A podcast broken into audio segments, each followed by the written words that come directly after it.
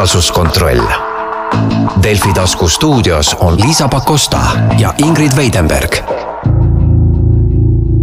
tere päevast, kallid kuulajad, taas on eetris Reaalsuskontrolli podcast ja täna istub minu vastas Urve Palo asemel hoopis Liisa Pakosta. Urvel on tegemist palju, tema oma koolitustega on nii hõivatud, et et täna on mul vastas hoopis teine endine, endise poliitiku ja tippjuhi asemel istub stuudios endine muinsuskaitse peadirektor Liisa. tere tulemast saatesse! aitäh kutsumast! Liisa, sinu muinsuskaitse peadirektori kohalt tagasiastumisest on möödas nüüd mõned head nädalad, millega sa tegeled?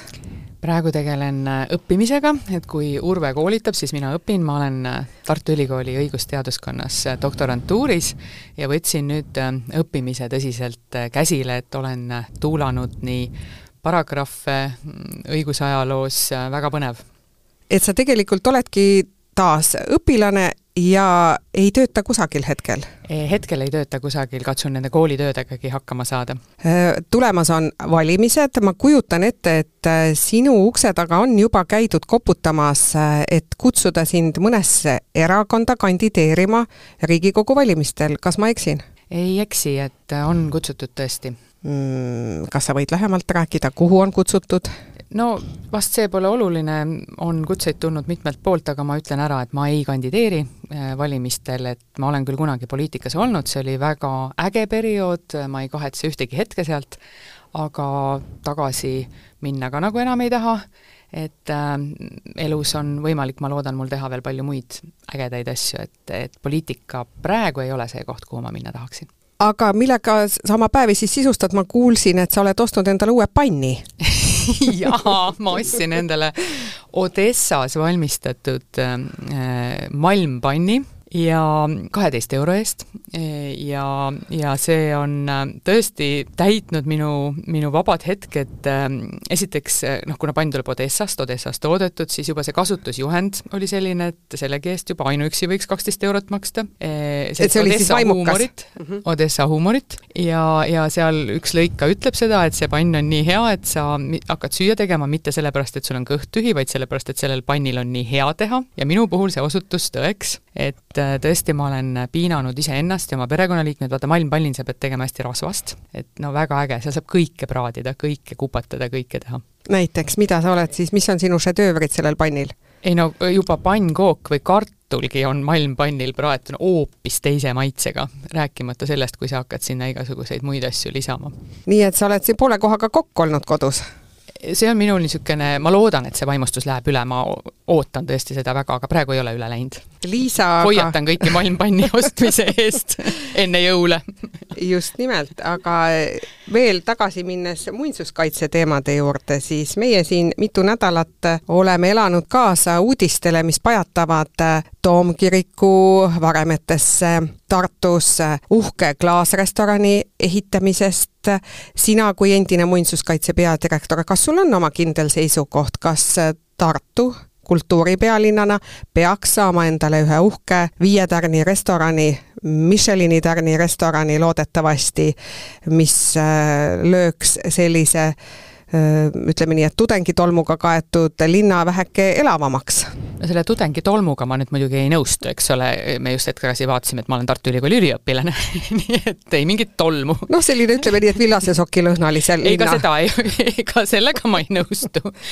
aga tulles selle Toomkiriku varemete juurde tagasi, siis äh, esiteks mul on õudselt hea meel, et äh, see teema erutab.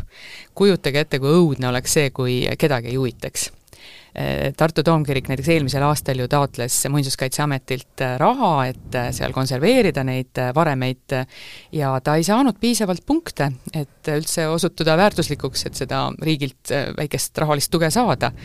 Aga et, nüüd on väga väärtuslik, kui me hakkame rääkima, et äkki teeks sinna alla mõnusa restorani. no väike vastuolu siin on, eks ole.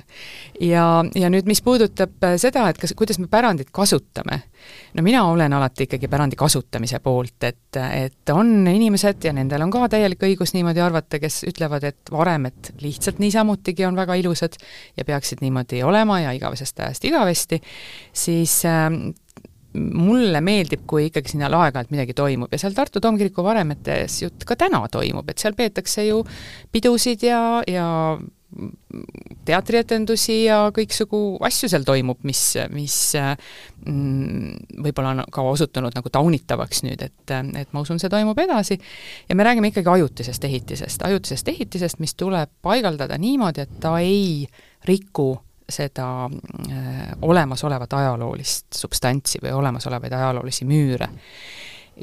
kui me mõtleme pikas perspektiivis, siis see maksimumaeg, mis ajutine ehitis saab olla, ehk kümme aastat, noh, nendes aastasadade möödumises on lihtsalt üks niisugune väike viiv. ja see väike viiv võiks seal ju, võiks seal ju minu arust olla küll. aga samas oleme siin jõudnud ka selleni, lugesin just uudistest, et ka Pirita kloostri varemed võivad lõpuks ometi saada peale kindla katuse, mitte iga kord enne Birgitta festivali ei paigaldata seda ajutist õnnetut katust ja ei võeta seda ajutist õnnetut katust maha, nii et ajaloolised kivid lendavad ka see on ju tegelikult positiivne areng, siiamaani on Muinsuskaitseamet seda takistanud, et ei ole mingit katust sinna vaja, las, las, las olla see ajutine ja, ja pole häda midagi.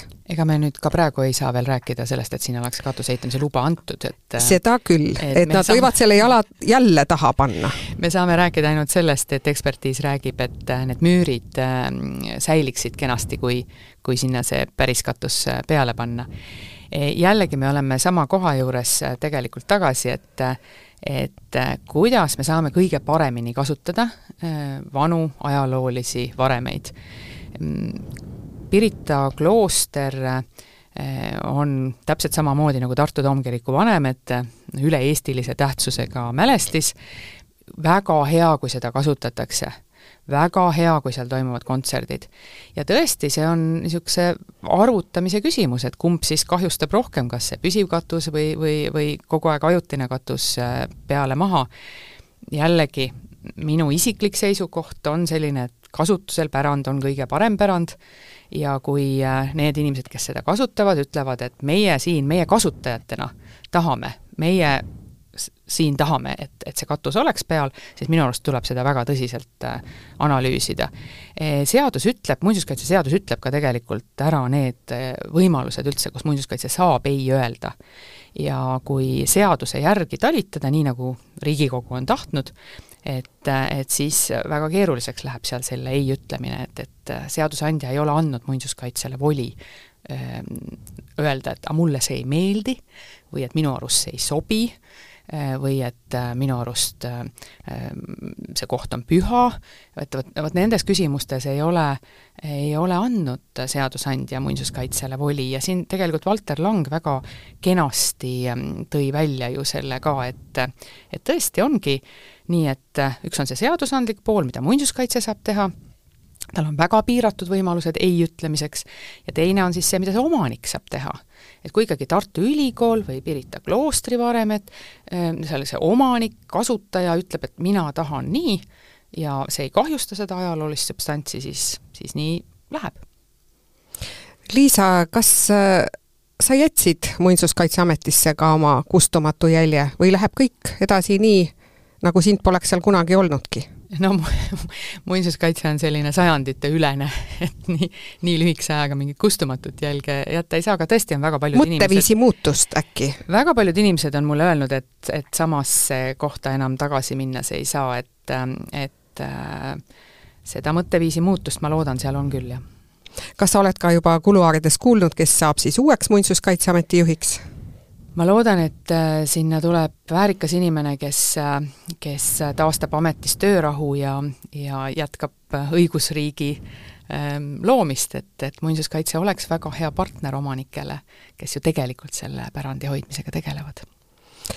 Viimase nädala oleme me maadelnud meedias ka teemal, mida siis hakata peale punasümboolikaga, et esinesid Esimeses stuudios äh, Mart Kalm ja justiitsminister Lea Danielson-Järg, kes äh, tõsiselt äh, läksid vaidlema sel teemal ja üks oli ühel seisukohal ja teine teisel, et sinu kui muinsuskaitse spetsialisti käest on hea nüüd küsida, mida me teeme nende muins- või nende punasümboolikatega, mis üle linna meid igal pool ümbritsevad? kas Estonia teatri lae peaks üle värvima? kõigepealt kõik, kes pole seda saadet vaadanud, ma väga soovitan, et, et see oli saatena väga hea ja, ja tõesti noh, Mart Kalmu ma imetlen äh, iga tema sõnavõttu, siin ei ole mingit kahtlustki. aga äh, seal ei oldud kõikides küsimustes eriarvamusel. Seal olid päris mitmes asjas oldi ka ühel arvamusel. Ja kui me võtame selle asja kokku, siis mina väga loodan, et, et Riigikogu siiski seda eelnõud, mis on nüüd äh, Justiitsministeeriumist sinna Riigikokku jõudnud, et, et Riigikogu teeb seda eelnõu paremaks. ja miks ma seda loodan, on siis see, et tõesti oleks kõige magedam lugu oleks see, kui me hakkaks omavahel tülli minema selle üle, et kuidas me seda küsimust lahendame enamik inimesi ju tõesti arvab seda, et, et sellised Eesti riigi väärtustega otseses vastuolus olevad äh, sümbolid ja tekstid tuleks avalikust ruumist eemaldada.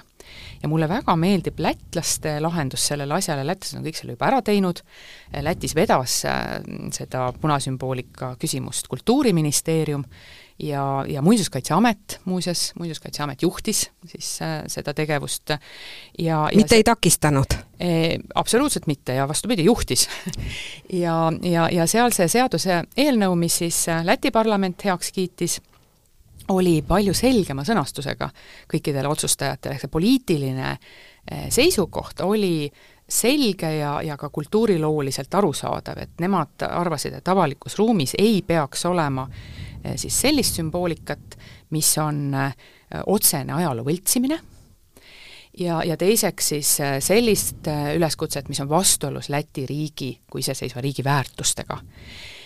Praegu see eelnõu, mis on nüüd Eestis liikvel, kordab karistusseadustikku, mis juba kehtib, et, et seal ei ole mõtet seda korrata, ja suuresti ta selle koha peal ka lõpeb, et, et jääb natukene arusaamatuks, et kuidas seda hakata rakendama ja nüüd, äh, et inimesed aru saaksid, millest me räägime, siis äh, kõik vist suudavad endale visualiseerida seda Stockmanni vastas olevat äh, üleval selle viisnurgaga maja. väga äge maja. jah, ja nüüd see viisnurk seal üleval e-, ei ole ajaloovõltsing, noh, ta ei võltsi mitte midagi, ta on lihtsalt üks viisnurk ta ja, meenutab meile okupatsiooni. jah, ja see, ainult meenutamisest vaat ei piisa.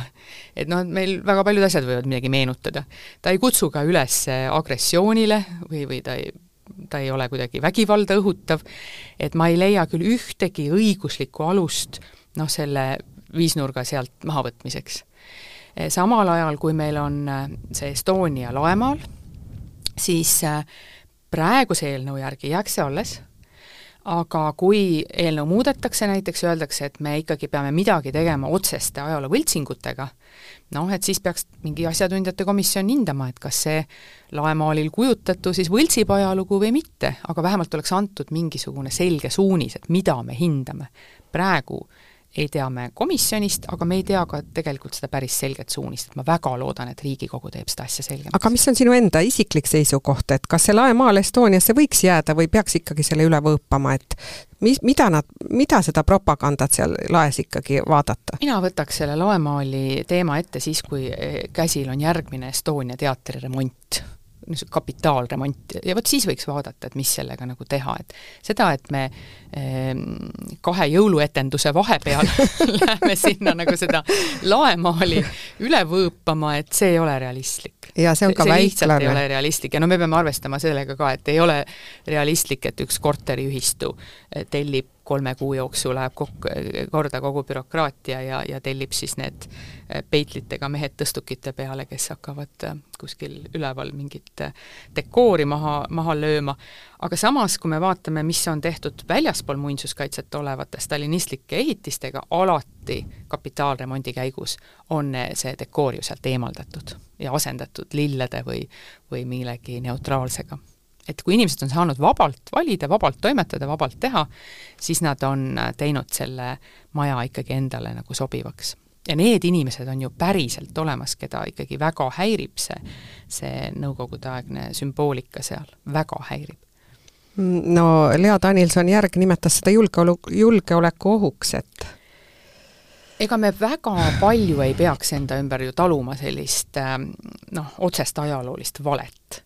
et aga jällegi, leinava ema skulptuur kuskil haual ei ole otsene vale, see ei ole üldse vale ka Läti, mida ma siin ikkagi eeskujuks tooksin, tegelikult vaatas läbi ju ka terve rea neid nii-öelda punamonumente ja punasümboolikat ja sealt eemaldamisele läks ainult väike osa. just tänu sellele, et need kriteeriumid olid väga selgelt Äh, siis Kultuuriministeeriumi ja, ja, ja sealt edasi ka parlamendi poolt kinnitatuna ette antud, et mida selgemad need kriteeriumid on, seda väiksemate pingetega saab need otsused teha, need on poliitilised otsused, poliitilised otsused tuleb teha selgelt, tuleb teha niimoodi, et inimesed saavad aru, mida neilt oodatakse.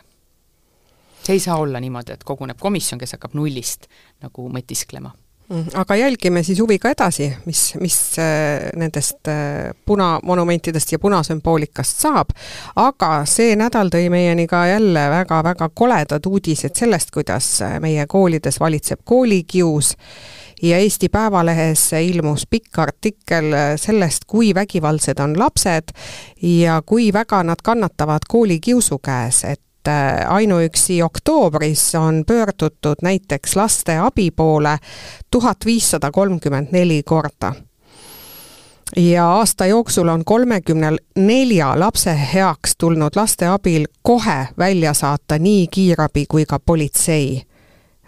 Need olid tõsised juhtumid, mis oleksid võinud lõppeda lapse surmaga. sina oled paljulapseline ema, Liisa, sa tead täpselt, mis seal koolis täna toimub, sest sul on kooliealised lapsed. Eh, kui tõsiselt me peaksime neid lugusid ja juhtumeid võtma, sest olgem ausad, ka meie ajal, meie käisime sinuga koolis nõukogude ajal, oli koolikius täiesti olemas, aga sellest mitte kunagi ei räägitud avalikult, veel vähem meedias. sel teemal ei võetud mitte kunagi sõna pidid selle ise üle elama ja, ja kasvama tugevaks. Täna me räägime sellest avatud kaartidega ja täna on numbrid juba nii suureks läinud ja, ja laste enesetappude arvud nii kohutavateks, et äh, enam vaikida ei ole võimalik. See, mis Kärt Anvelt oma äh, Päevalehes ilmunud loos välja toob, äh, see fundamentaalne erinevus võrreldes meie kaugele jääva noorusega, on ju selles, et väga suur hulk sellest kiusust on äh, kolinud äh, internetti, on kolinud äh, visuaalsetesse piltidesse ja videotesse ja jälitab seda last nii sõna otseses mõttes ööl kui päeval. et enam ei ole tegemist ühe juhtumiga, mis algas, lõppes ja võib-olla isegi unustati mõne aja pärast, siis nüüd on see meediumi võim lapse üle lapse vaimse tervise üle muutunud niivõrd totaalseks, et sellega toimetulek äh, on, on väga keeruline. Äh, kõigepealt ma tahaks rõhutada seda, et on väga hea, et sellest räägitakse, selliseid lugusid peaks kogu aeg ilmuma.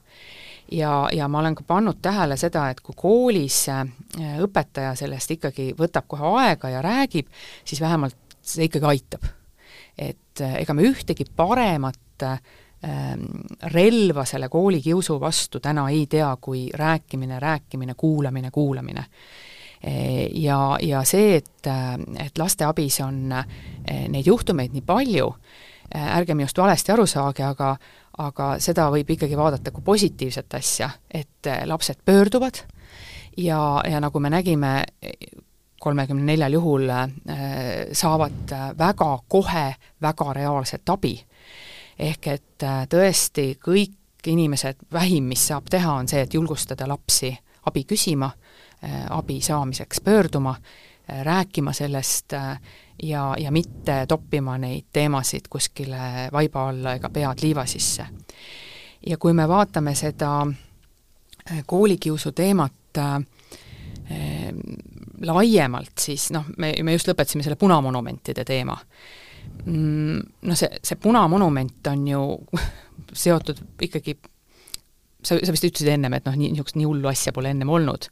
ei no vabandust, et noh, meil on ju lapsi tapetud ja küüditatud, eks ole, ja, ja, ja, ja mis iganes asju tehtud, et et äh, ja mida need punamonumendid osaliselt siin üritavad õigustada, et, et äh, see, see ei ole talutav e,. Kuidas seda koolikiusu teemat Äh, internetis ja meedias lahendada, kui keegi teaks head retsepti, oleks see juba kasutusel. koolikiusu alla on langenud ka õpetajad, sest lapsed filmivad ka neid ja, ja panevad oma videod TikTok'i. ja see, see, mina väga toetaks seda, et mida paljud koolid ka kasutavad, et koolipäeva alguses korjatakse mobiiltelefonid kokku ja koolipäeva lõpus antakse diskrimineerimine. minul on õigus helistada, helistada oma emale ja öelda, kuidas minu, et mul kõht valutab, ütleb ja laps. seda lähed sa, ütled kooliõele, et sul kõht valutab ja kooliõde, kui ta peab vajalikuks sellest no. lapsevanemat teatada, siis ta teatab sellest lapsevanemat no,. ja selle peale tuleb muidugi lapsevanemate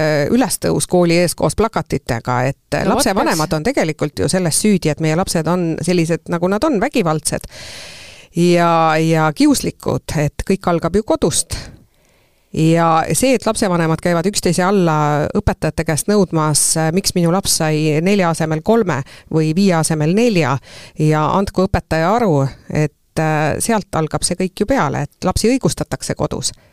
see, et me peaks lapsevanemaid kasvatama, äh, on äh, täiesti õige teema ja noh, ma tulen ühe isikliku näite juurde tagasi, et, et kui mul esimene laps sündis, vot ega sa ju täpselt ei tea, kuidas selle lapsega siis, mis temaga teha ja mul oli näiteks väga suur abi Ehm, Eesti Vabariigi ajal äkki oli tuhat üheksasada kolmkümmend kaheksa või midagi, oli ilmunud üks kooliõpik, kuidas tuleb äh, lastega ümber käia, ja mina võtsin selle kooliõpiku ette, sealt õpetati ka, kuidas mähkida tuleb ja kõiki asju, ma sain väga palju abi.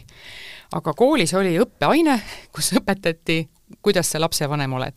vaatasin siis üle meie õppekava, kaheteistkümne aasta jooksul räägitakse laste kasvatamisest kaheteistkümne aasta jooksul eh, poolteist tundi ehk et äh, nüüd oodata, et pärast seda juhtub mingisugune ime ja, kõik täpselt teavad, kuidas kõiki asju lahendada, on võib-olla pisut põhjendamatu, et et kindlasti me peaksime koolikiusamisest koolis rääkima, õpetajad palun, jaa, väga paljud tegelevad sellega, aga see tõesti aitab, kui sellest koolis rääkida, kui sellest rääkida lapsevanematega, ehm, kuidagi kooli juhtkond peab aitama neid õpetajaid, ehm, keda need lapsevanemad kiusavad, see on muuseas seaduses ette nähtud, et, et see on kooli juhtkonna ülesanne, toetada õpetajaid, keda lapsevanemad kiusavad ja kooli juhtkonnad on kohustatud ka lõpetama koheselt igasuguse kiusamise. kooli direktoril on absoluutne õigus välja kutsuda see kiuslik lapsevanem ja öelda talle, et nii, asjad on meil niimoodi. ja sina niimoodi ja niimoodi teha ei tohi, sellepärast et see mõjub õpetajale halvasti. et selline õigus koolidirektoritel on, ma ei tea, paljud võib-olla ei tea seda. aga nüüd eh, ehk sellest koolikiusamisest rääkimine, aga teine asi, jah, et muidugi lapsevanem võiks ju vaadata, et mida ta kodus ütleb, et ma olen endagi puhul tähele pannud seda, et kui lastel on koolis väga positiivselt räägitud sellest koolikiusamise teemast ja siis äh, mina räägin kellegiga telefonis või on noh, keegi külas ja arutame mingeid asju ja noh, ikka ütled kellegi kohta krehtiselt ka. Ja siis laps pärast tuleb, et kuidas sa niimoodi ütlesid teise inimese kohta, niimoodi ei tohi sa ütlesid tema kohta midagi halvasti. et, et nad saavad sellest aru, nad jälgivad ju iga sõna ja detaili, kuidas sa ennast väljendad, isegi kui sa, ma ei tea, mõne poliitiku kohta ütlesid, et midagi ei sobi või või sinu arust sulle ei meeldinud see, mida ta tegi või ütles, siis pärast laps tuleb ja kritiseerib, et see on jumala äge mhm. ja täna me loeme ka Haridusministeeriumi koduleheküljelt ja Delfis on lugu üleval, et on saabunud koolieksamite tulemused mis omakorda on jälle üks põhjus äh, koolikiusuks, et ühed koolid äh, eputavad heade tulemustega, teiste tulemused ei kannata mitte mingisugust kriitikat ja see omakorda tekitab ju koolides ebavõrdsust, lastes ebavõrdsust, ebavõrdset kohtlemist. kas me ise tegelikult ministeeriumi tasandil ei kultiveeri koolikiusu oma lõputute koolieksamite tulemuste võrdlusega, oma lõputute koolide võrdlusega, kus me otseselt seamegi ju lapsed erinevatele tasanditele ja sealt on koolikiusuks ju ainult äh, üks samm. Tõsi on tõesti see, et eile need äh, gümnaasiumite riigieksamite tulemused avalikkusele tulid ja tuli ka siis äh, Haridus- ja Teadusministeeriumi noh, niisugune selgitus, et palun ärge vaadake neid.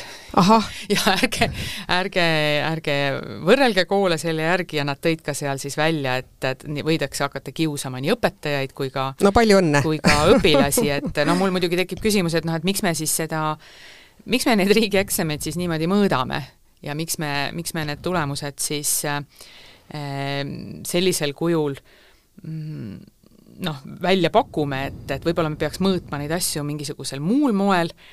Ja, ja mida Haridus-Teadusministeerium siis ikkagi täpsemalt teeb, et kui me kui me vaatame seda koolide vahelist erinevust, siis see on ju tegelikult täiesti pöörane ja ma, oleks tahtnud küll lugeda seda, et et vot nendele koolidele, kellel siin olid nagu madalamad punktid õpilastel, et et väga tublid, et te õpilased sinnagi maani vedasite, aga järgmisel aastal me anname teile sellist ja sellist ja sellist abi et te saate täiendavad õpetajad, te saate täiendavad rahad peale, et, et ähm, tõsta seda taset. no mitte ja... midagi taolist ju ei ole. ei no aga nii peaks olema ja noh, aga me, me näeme siit ka palju laiemaid probleeme veel, et et äh, no esimene probleem, mida ma nimetaksin, on see, et riigieksamid üldse tegi, siis kaheksa tuhat kakssada seitsekümmend seitse gümnasisti ja ainult tuhat nelisada viiskümmend kaks kutsekooli lõpetajat. ma tuletan meelde, et enamikes kutsekoolides saadakse ju ka keskharidus ja nüüd selleks, et see kutsekooli lõpetaja saaks minna edasi õppima,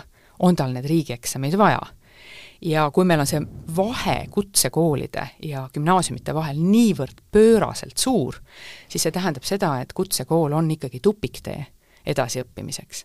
et see on suur riiklik probleem, noh millega tuleks tegeleda, et kuidas me saame, saame saavutada seda, et kutsekoolide lõpetajad teeksid neid riigieksameid, et nendele oleks täpselt samamoodi lahti ülikoolide uksed, edasiõppimise võimalused, ehm, et, et, et see ei oleks mingi valik, mida sa peale põhikooli teed ja, ja sa tead, et sa oledki seal nagu kinni et, et see on esimene minu arust probleem, mis, mis ehm, on täiesti kõnetamata vaatame edasi.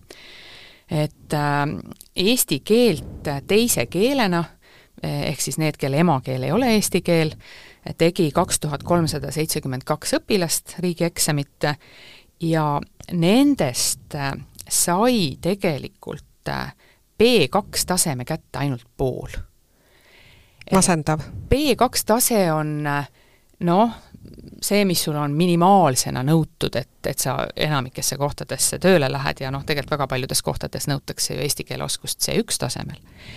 et äh, pool, ülejäänud pool ei saanud. E, sa oled õppinud koolis kaksteist aastat ja sa ei saa B2 taseme eesti keelt kätte.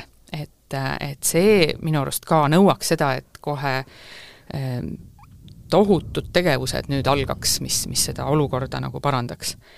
vaatame edasi. Äh, meil on matemaatika riigieksamit võimalik teha kitsa matemaatikana ja laia matemaatikana. nüüd lapsevanemad, kes meid kuulavad, kui teie lapsed on valinud ühe tee nendest kahest, siis äh, lugege seda, mida tööandjad muretsevad, tööandjad muretsevad, et kitsast matemaatikat ei tohiks üldse anda, sest see on ka tupiktee. sa ei saa tegelikult väga-väga paljusid erialasid õppida, kui sa oled lõpetanud kitsa matemaatika. ja sul on vaja see lai matemaatika ära lõpetada. ja nüüd äh, kitsa matemaatika keskmine punktide arv sajast on kolmkümmend kaks koma kaks, keskmine. tuletame meelde, kuidas me keskmise saame, osad jäävad allapoole, osad jäävad ülespoole aga keskmine on kolmkümmend kaks koma kaks kitsal matemaat, niigi sa ei saa sellega suurt kuskile edasi. ja, ja see tulemus on noh, ütleme, ei ole väga nagu uhke. aga vaatame veel edasi, inglise keele eksam, äh, tavapärast inglise keele eksamit tegi natuke üle nelja tuhande õpilase, kellest B2 taset ei saanud kätte isegi mitte pooled. et äh, B1 tasemele jõuti sealt siis äh, jälle kaksteist aastat, hea küll, osades koolides algab see hiljem, see inglise keele õppimine, aga noh, sul on tegelikult tööturg väga suures osas kinni ja kui me räägime siin, et et me peaks ekspordiga tegelema, meil peaks majandus arenema ja muud sellised asjad, et noh, murettekitav. ja vaatame koolide erinevust, noh, lai matemaatika, nagu me just tõdesime, on vajalik selleks, et sa saaksid üldse edasi õppida jätame koolide nimed nimetamata, äh, kõige ähm, no nõrgem kool sai üheksa koma üheksa punkti keskmiselt. sajast? sajast. keskmine tulemus üheksa koma üheksa punkti sajast. Äh, keskmine tulemus. jällegi, inimesed on kaksteist aastat õppinud matemaatikat selles koolis, see on muuseas piirkonnaga ainukene siis kool. ja kõrgeim oli siis üheksakümmend koma kolm punkti keskmine no see oli kindlasti Tallinna eliitkoolidest mõni, no, no see mõni. kõrgema me võime siis ära nimetada, et see oli reaalkool, aga aga, aga see, see riik peaks minu arust siin midagi tegema. et me jätame need noored, ega nemad ei ole süüdi et kas üldse see, need nõudmised ei ole natuke liiga ülehinnatud, et me nõuame õpilastelt taset, milleni, milleni, nagu sa just ette lugesid, ülivähesed suudavad jõuda. et kas ne, kas see matemaatikaeksam ei ole juba nagu selline ülikooli tasemel eksam, et on juba kõrgema matemaatika ülesanded? ta on et... keerulisem küll kui see, mida meie õppisime. no see on lihtsalt ja. meeletult keeruline, et mina, minul jääks täna gümnaasium lõpetamata, ma usun.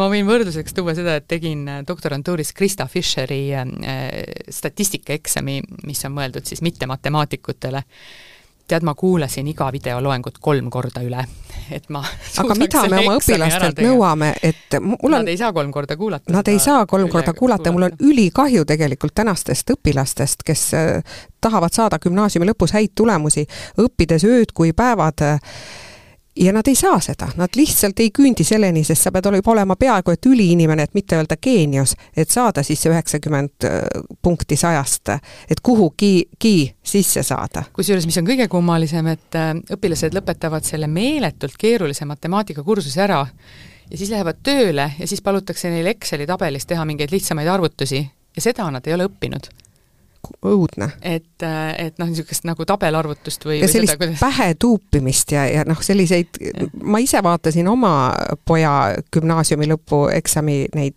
õpp, õppimise käigus neid ülesandeid, ma ei saanud mitte millestki aru, no tõepoolest, ma olen küll ka äh, noh, juuksejuurteni filoloog, aga ma ei oleks sellise kõrge taseme juures äh, täna gümnaasiumi lõpetanud mitte mingil juhul. ehk et kokkuvõttes riik peaks midagi tegema selleks, et äh, meil need õpilased, kes tahavad edasi õppida, kas siis kutsehariduses või gümnaasiumihariduses, ilma kummagita tegelikult ühiskonnas ei saa, et nende see tee läheks ikkagi natuke sujuvamalt.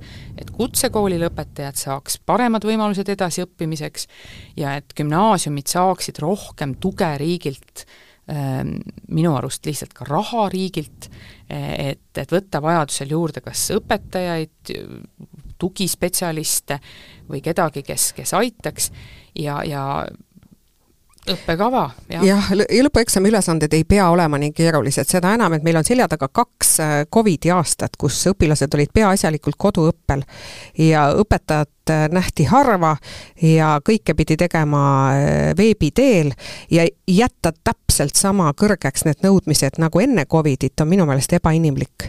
ja, ja seda ometi tehti, et äh, saage hakkama ja siin need tulemused nüüd siis on, kus siis keskmine hinne on üheksa koma üheksa sajast Äh, mis, mis, mida see meile näitab? lihtsalt, kui me mõtleme nende noorte peale, nad peavad tohutult pingutama, et nad saavad elus edasi minna. et see, mida me ootame või millise koorma me paneme nendele noortele inimestele, kes on nii kaksteist aastat oma elust äh, siis seal hariduses veetnud ja nüüd selleks, et edasi liikuda, nad peavad isiklikult tegema mingeid meeletuid ponnistusi, minu arust lihtsalt sellepärast, et, et me oleme nad jätnud äh, oma päi äh, ja, ja noh, tegelikult ka selles samas Päevalehes täna on, on lugu Ukraina õpetajatest, kus ka jälle kõik laiutavad käsi ja ütlevad, et iga kool saagu ise hakkama, et me peaks ikka aitama neid rohkem, kes on nõrgemas positsioonis. miks nad on selles olukorras, mida neil juurde vaja on, me kaotame, meil on PISA tulemused on küll suured ja ilusad numbrid, aga, aga me kaotame juba järgmises astmes, kui on täiskasvanute uuringud, et, et midagi juhtub meil gümnaasiumi jooksul või selle kutsekooli puhul me juba nägime, mis juhtub, et et sealt üldse väga vähesed jõuavad nende riigieksamitenigi.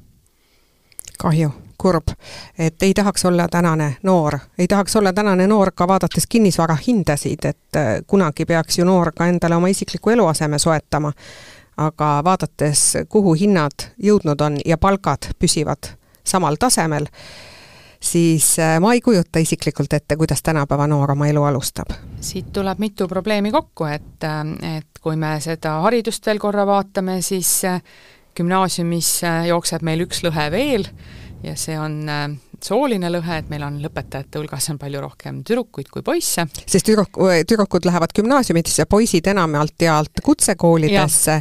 ja kutsekoolid, nagu me näeme, on numbrite järgi kipuvad olema see tupiktee, ta ei saagi edasi õppida, ülikoolides on see sooline vahe veel suurem ja nüüd on meil siis äh, korteri ostmiseks äh, ju, palju lihtsamalt läheks, kui oleks kaks inimest ja, ja kui sul ikkagi sama haridustasemega partnerit nagu kõrval ei ole, siis äh, võivad sul need äh, lastetoetused olla kui tahes kõrged mm, -hmm. et sa ei saa äh, üksinda eluaseme soetamisega hakkama. sa jäid kohe mõtlikuks selle ja, peale? ma jäin kohe mõtlikuks selle peale, et et ähm, me oleme jõudnud suurte ühiskondlike küsimusteni. ja, ja, ja kuulates või ja teades seda, et tegelikult meie haridussüsteemis võidutsevad tüdrukud ja ülikooli lõpetavad enamalt jaolt ikkagi väga haritud naised, siis vaadates äh, poliitikat ja vaadates ka uusi valimisnimekirju, mõned erakonnad on juba välja pannud oma nimekirjad. Ma ei tea, kas sa vaatasid, EKRE on välja pannud oma nimekirja ja, ja keegi oli veel, ma just siin silmadega lasin üle, naisi ülivähe naisi nimekirjades ülivähe, kui ma leidsin sealt üks-kaks nime, siis oli hästi. enamikus ikkagi mehed, äh, keskealised mehed. Ja, ja ma ei näe seda, et meil oleks äh, ühiskonnas haritud naisi rohkem ja, ja kõrgharitud naisi rohkem, sest nad ei paista kuskil välja, välja paistavad ikkagi keskpärased mehed kahjuks äh, on see niimoodi ja, ja võib hakata juba praegu tegema eelsoojendust äh, valimisteks, et, et äh, ka valija saab ise teha parema otsuse. aga kui ei olegi üldse valida, et esimese kümne hulgas, ma vaatasin, EKRE nimekiri on, on välja toodud, seal oli üks naine esimese kümne hulgas. seda on Eestis ka uuritud, et miks neid naisi nii vähe on ja paar põhjust võib siin ju nimetada, et, et üks on see, et naiste puhul minnakse kohe hambad irevil välimuse kallale, meeste puhul sugugi mitte nii väga kuigi ütleme kohe ära, et eh, minu arust Jüri Ratas selles uues saledas vormis, mis ta tantsusaate tulemusena on, näeb ju palju kenam välja kui ennem, eks ole. aga enne ka ei aasinud teda keegi, et meie ülekaaluline Riigikogu esimees ja et vaata, kui hästi on tants mõjunud. ja, ja nüüd eh, teine asi on see, mida, mida ma olen ka ise kogenud, et, et sa võid, eh, sul peaks olema elu ka pärast poliitikat, et ma olen poliitikast lahkunud palju aastaid tagasi ja ikka ikka siiamaani on mingid inimesed, kes peavad mind nagu poliitikuks. et äh, sul peab olema õigus äh, teha poliitikat, tulla sealt ära ja jätkata spetsialistina, ilma et keegi ütleks, aga sa kunagi olid ikka seal või, või noh, sulle seda nagu ette heidaks, et et äh, see takistab just neid spetsialiste, keda me tegelikult Riigikokku väga vajaksime, poliitikasse minemast, muuseas ka meeste hulgas et äh, väga raske on leida inimesi, kes oleks valmis ennast siduma. Mm,, ma siiski nimetaksin, et noh, ega see Riigikogu palk nüüd ka selline ei ole, et ta sind terve ülejäänud elu ära elatab, et sul peab olema võimalus tulla pärast Riigikogu ja jätkata oma erialase tööga. E, see on väga keeruline, me oleme ise teinud selle liiga, liiga keeruliseks ja, ja noh, ma ei tea, mulle siin Jevgeni Ossinovski heitis veel üsna hiljuti ette, et noh, et praktiliselt ikka poliitikaga seotud, et et see ei ole õige. see ei ole õige, sellepärast et see pelutab noh, esiteks ei olnud see, see õige ka sisuliselt, aga see pelutab ka laiemalt eemale need inimesed, kes tegelikult võiksid olla väga head Äh, kandidaadid, me tegelikult ju tahaksime, et Riigikogus oleks inimesi erinevatelt elualadelt, erinevatest Eesti piirkondadest ja kes, äh, sa ei saa seal kunagi elu, eluaeg olla, mis ei ole ka mõt-, mõeldud mõni niimoodi. saab ju, kakskümmend aastat on täis ja no, ta ei kavatsegi lahkuda. Need on mõned üksikud. et, äh, et enamik inimesi ju ikkagi seal, seal vaheldub, vahetub ja, ja see jube oluline minu arust, et sul oleks kindlustunne, et sind pärast ei diskrimineerita, sellepärast et sa oled olnud poliitikas, muuseas, see on meil ka jälle ju keelatud. maailmavaate pärast ei tohi kedagi halvemini kohelda, aga see praktikas kahjuks ikkagi eksisteerib.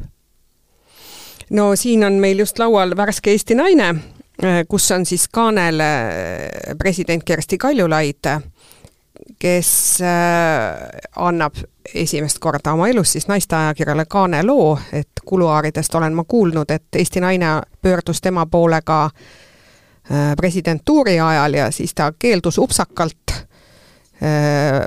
mainides midagi taolist, et minust ei saa teist Evelin Ilvest. ja siin ta nüüd on, kenad riided seljas, üks moodsam pilt kui teine, niipidi-naapidi, vasakult paremalt pildistatud, et noh, ega Evelin Ilvesele palju alla ei jää, kui vaadata neid ohtraid kostüüme.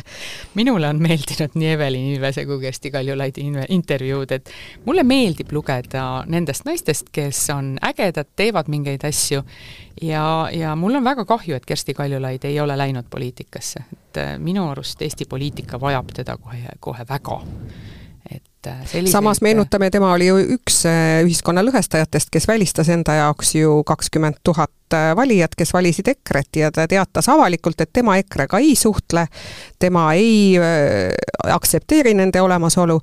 no see ongi poliitiline seisukoht ju. aga presidendina peaksid sa ju ühendama, mitte lõhestama. no seda enam peaks ta praegu minema poliitikasse minu arust, et äh, aga ta on valinud teise tee, ta on valinud ikkagi Eesti naise kaanelkekutamise tee, et kas sellega on võimalik maailma muuta?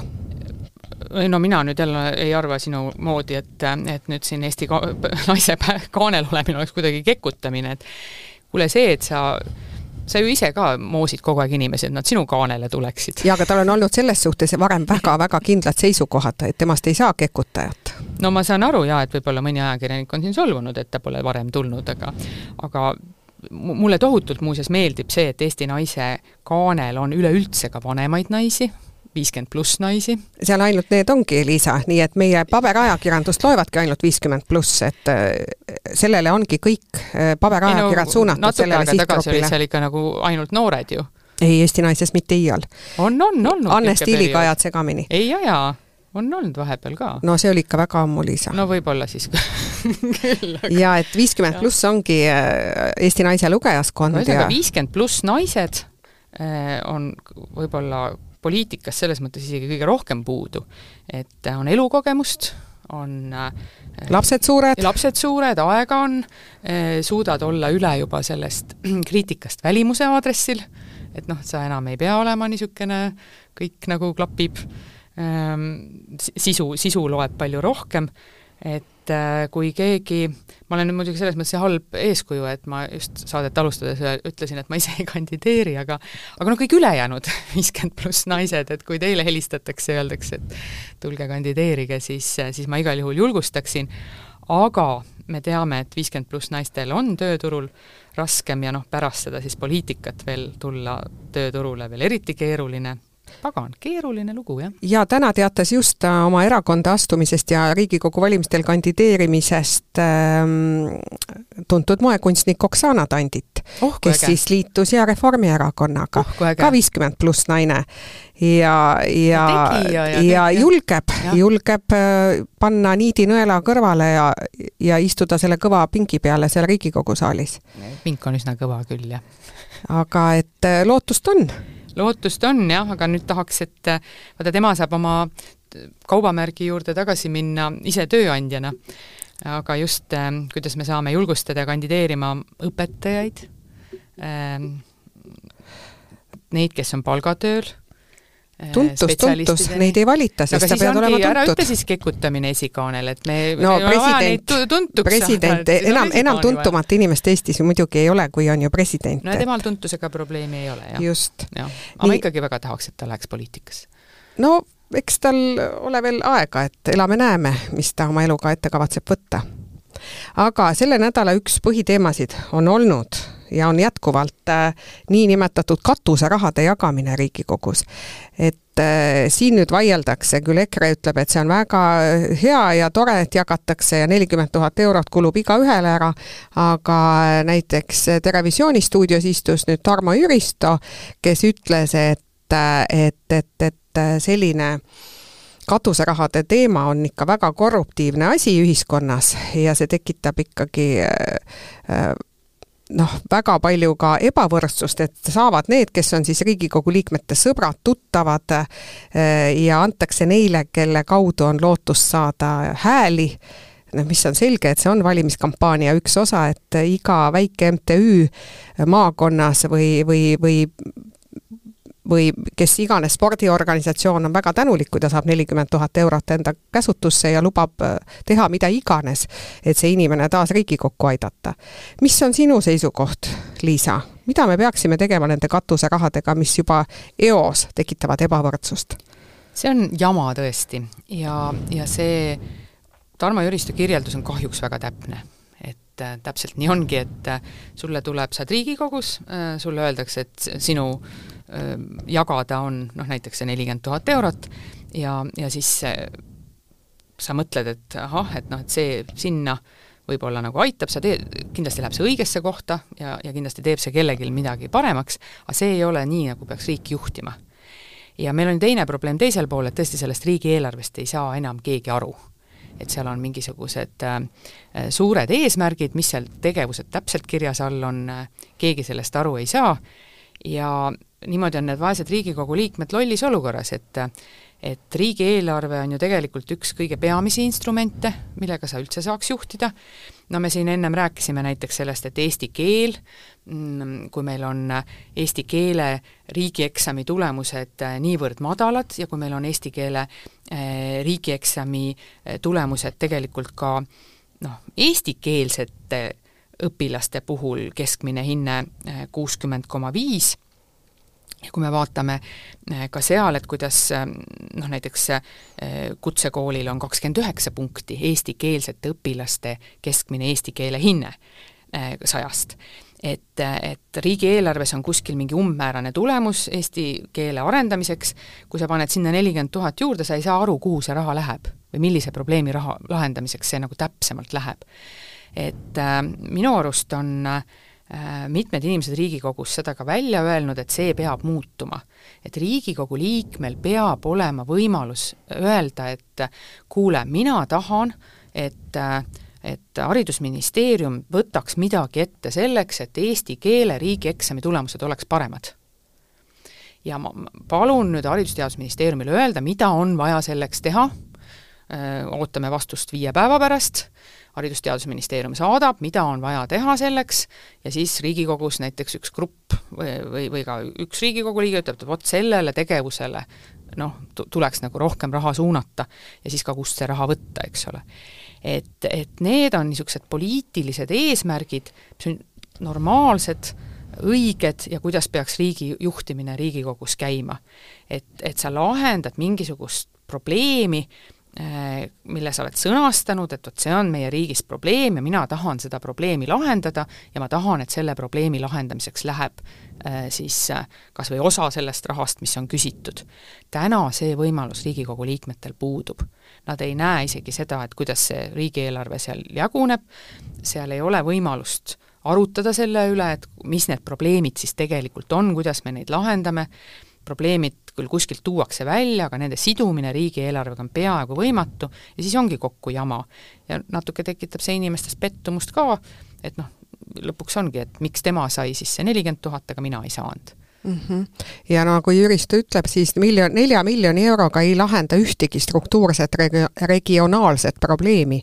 et Äh, see ei ole oluline raha regionaalsete investeeringute kontekstis, et see on lihtsalt oma tuttavate vahel, tuttavate külaseltside poputamine ja tegelikku regionaalset arengut see kuidagi edasi ei vii.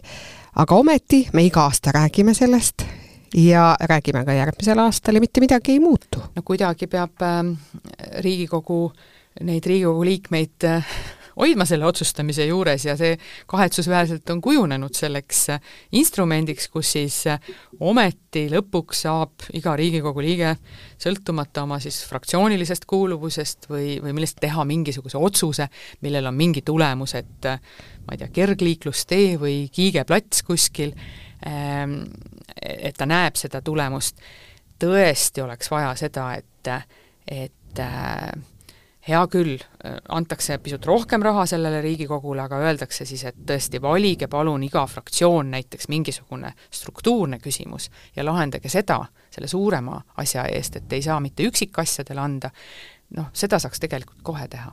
kas või jälle tuleme sellesama eesti keele mure juurde tagasi, et äh, vast siis on mõni fraktsioon, mis võtab, et et vot meie tahame näha, et see eesti keele oskus läheks paremaks kooliõpilastel, ka nendel, kelle emakeel on eesti keel, et nende keskmine tulemus ei oleks kakskümmend üheksa punkti sajast. Ja, ja meie tahame näha selleks koos siis Haridus-Teadusministeeriumi spetsialistidega lahendust, noh näiteks meie fraktsioonile on antud selleks neli miljonit, vot nelja miljoniga eesti keele õpetajate toetamiseks ühe aasta jooksul juba saaks, ma usun, üsna palju ära teha, õppematerjale saaks teha, eh, selliseid eh, atraktiivseid, mis kaasaja noori kõnetavad, et, et sealt tuleks ka mingisugused kestvamad tulemused, et et inimestel võib muidugi tekkida küsimus, et mis asi see struktuurne probleem siis on, et kas see, kas see kiigeplats siis ei ole struktuurne probleem, ei ole, vot kiigeplats ei ole struktuurne probleem, sellepärast et sellega peaks saama hakkama omavalitsus ise? sellega peaks esiteks hakkama saama omavalitsus ise ja teiseks, et noh, see elukvaliteedi muutus pikas perspektiivis kiigeplatsil on oluliselt tagasihoidlikum kui selles, et sa saad koolist kaasa need teadmised ja oskused, mis sind tööturul aitavad.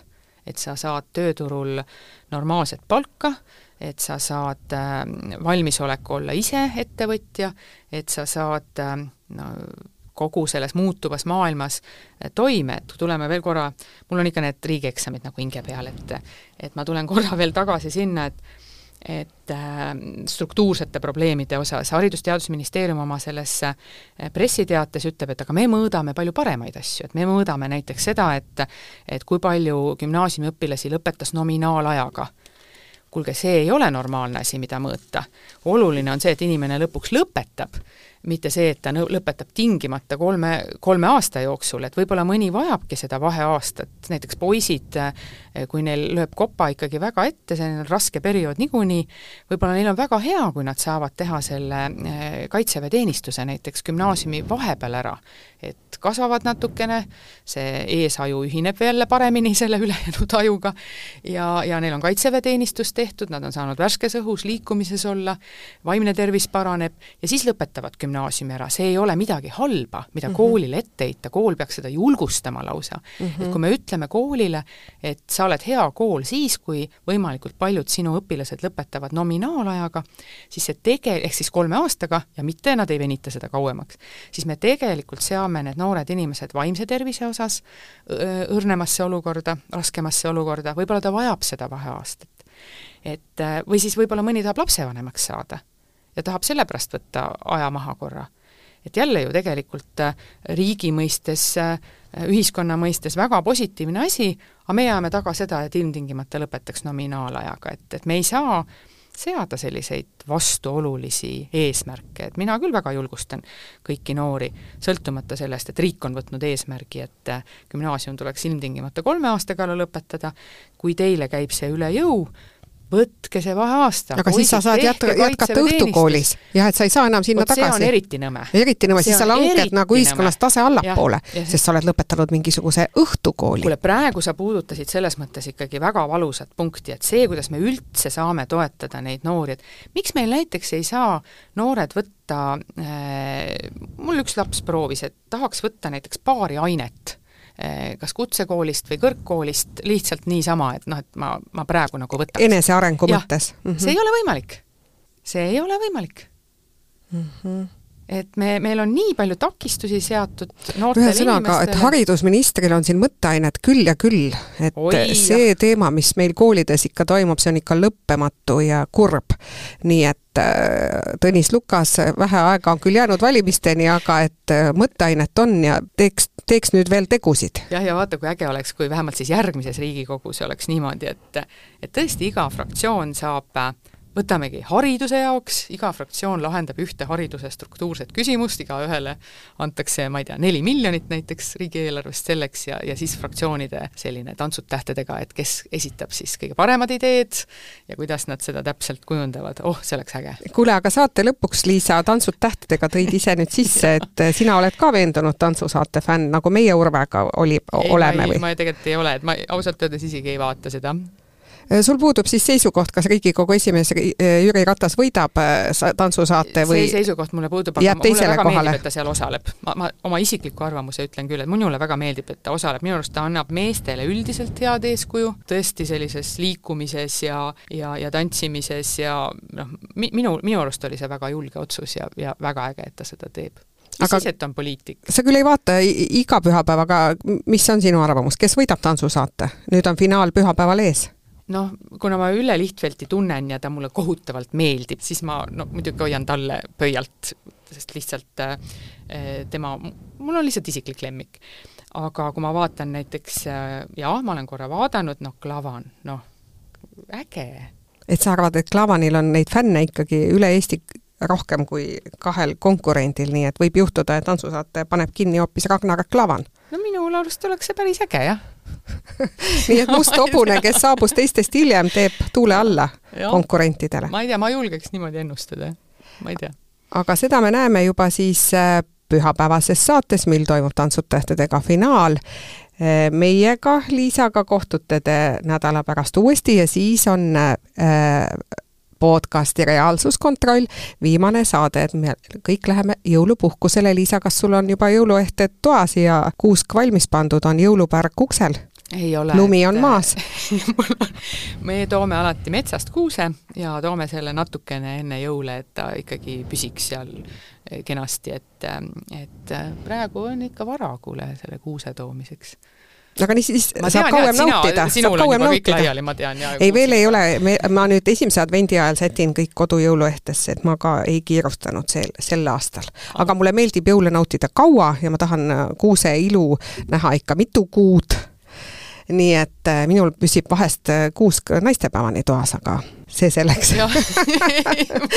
igal juhul aitäh teile kuulamast, kohtume järgmisel nädalal ja siis juba teised teemad.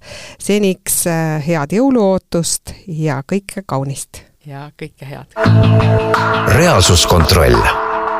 Delfi tasku stuudios on Liisa Pakosta ja Ingrid Veidenberg